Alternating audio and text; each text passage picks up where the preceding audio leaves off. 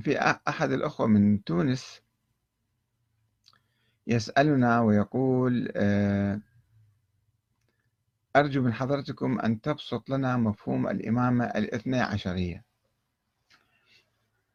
الإمامة الاثنى عشرية الأخ آه، هجري محمد تومي اسم الأخ من تونس يقول أنا من تونس وأريد تبسط لنا هذا الموضوع.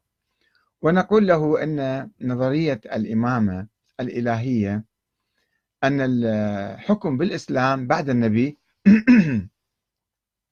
ليس بالشورى وليس باختيار الأمة إنما الحكم الإمامة يعني الإمامة يعني الحكم.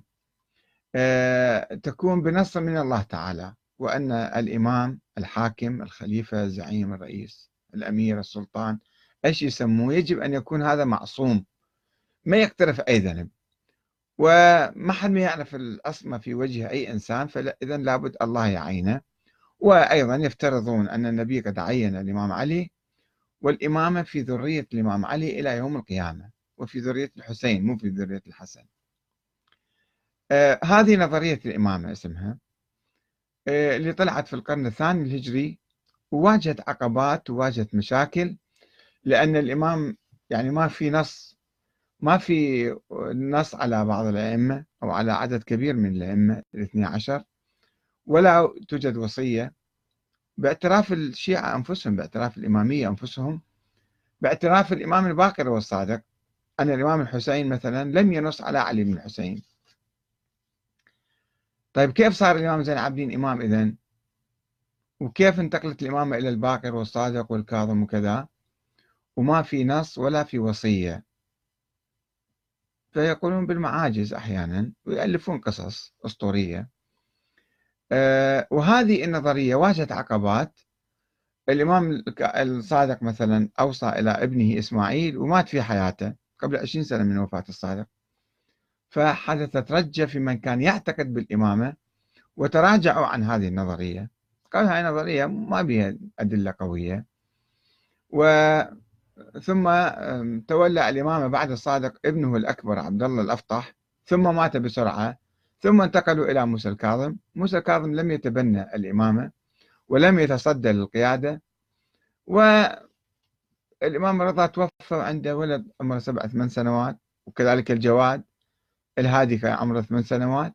فواجهت عقبات ومشاكل زعزعت إيمان الشيعة أنفسهم بنظرية الإمامة في ذيك الأيام. ثم توفي الحسن العسكري وما عنده ولد. فانقطعت الإمامة. إجوا جماعة افترضوا ورا خمسين ستين سنة ورا آه، ما أسموه بعصر الحيرة وما أسموه بعصر الغيبة الصغرى. على أساس الإمام موجود وغائب. وبعد ذلك آه، يعني بعد أن افترضوا وجود ولد الإمام الحسن العسكري قالوا أنه الإمام بعده. صارت الفرقة الاثنى عشرية ختموا الأئمة بالاثنى عشر لأنه ما موجود حتى تستمر بعدين. لو كان الثاني عشر ظاهر وموجود وبعدين يموت مثلا كان أولاده تستمر. الإمامة في ذريته إلى يوم القيامة. هكذا كانت تقول نظرية الإمامة ولكن لأنه ما موجود فختموها باثنى عشر. وصارت الفرقة الاثنى عشرية التي ولدت ميتة في القرن الرابع الهجري. يعني بعد ماكو إمام عندنا انتهت. فألف سنة الشيعة ظلوا ينتظرون الشيعة الاثنى عشرية ظلوا ينتظرون ذلك الإمام ولم يخرج ذلك الإمام إلى أن هم آمنوا بنظرية الشورى اللي اليوم يسموها النظرية الديمقراطية. يعني الأمة هي التي تنتخب الإمام ولا يجب أن يكون الإمام معصوما ولا معينا من قبل الله ولا من السلالة العلوية الحسينية. أي واحد يصير رئيس وزراء أو رئيس جمهورية أو مرشد أو قائد أو مرجع أو أي شيء تقولون. فنظرية الإمامة الاثنى عشرية الإمامة الإلهية والاثنى عشرية هي نظريات وهمية خيالية منقرضة بائدة قبل ألف وكذا سنة وليس لها وجود اليوم. نظرية لازم نحطها بالمتحف في الحقيقة في متحف التاريخ. ما لها وجود ولا يمكن تطبيقها. ليست نظرية حية اليوم. هذا باختصار. ثم كان عندنا تعليق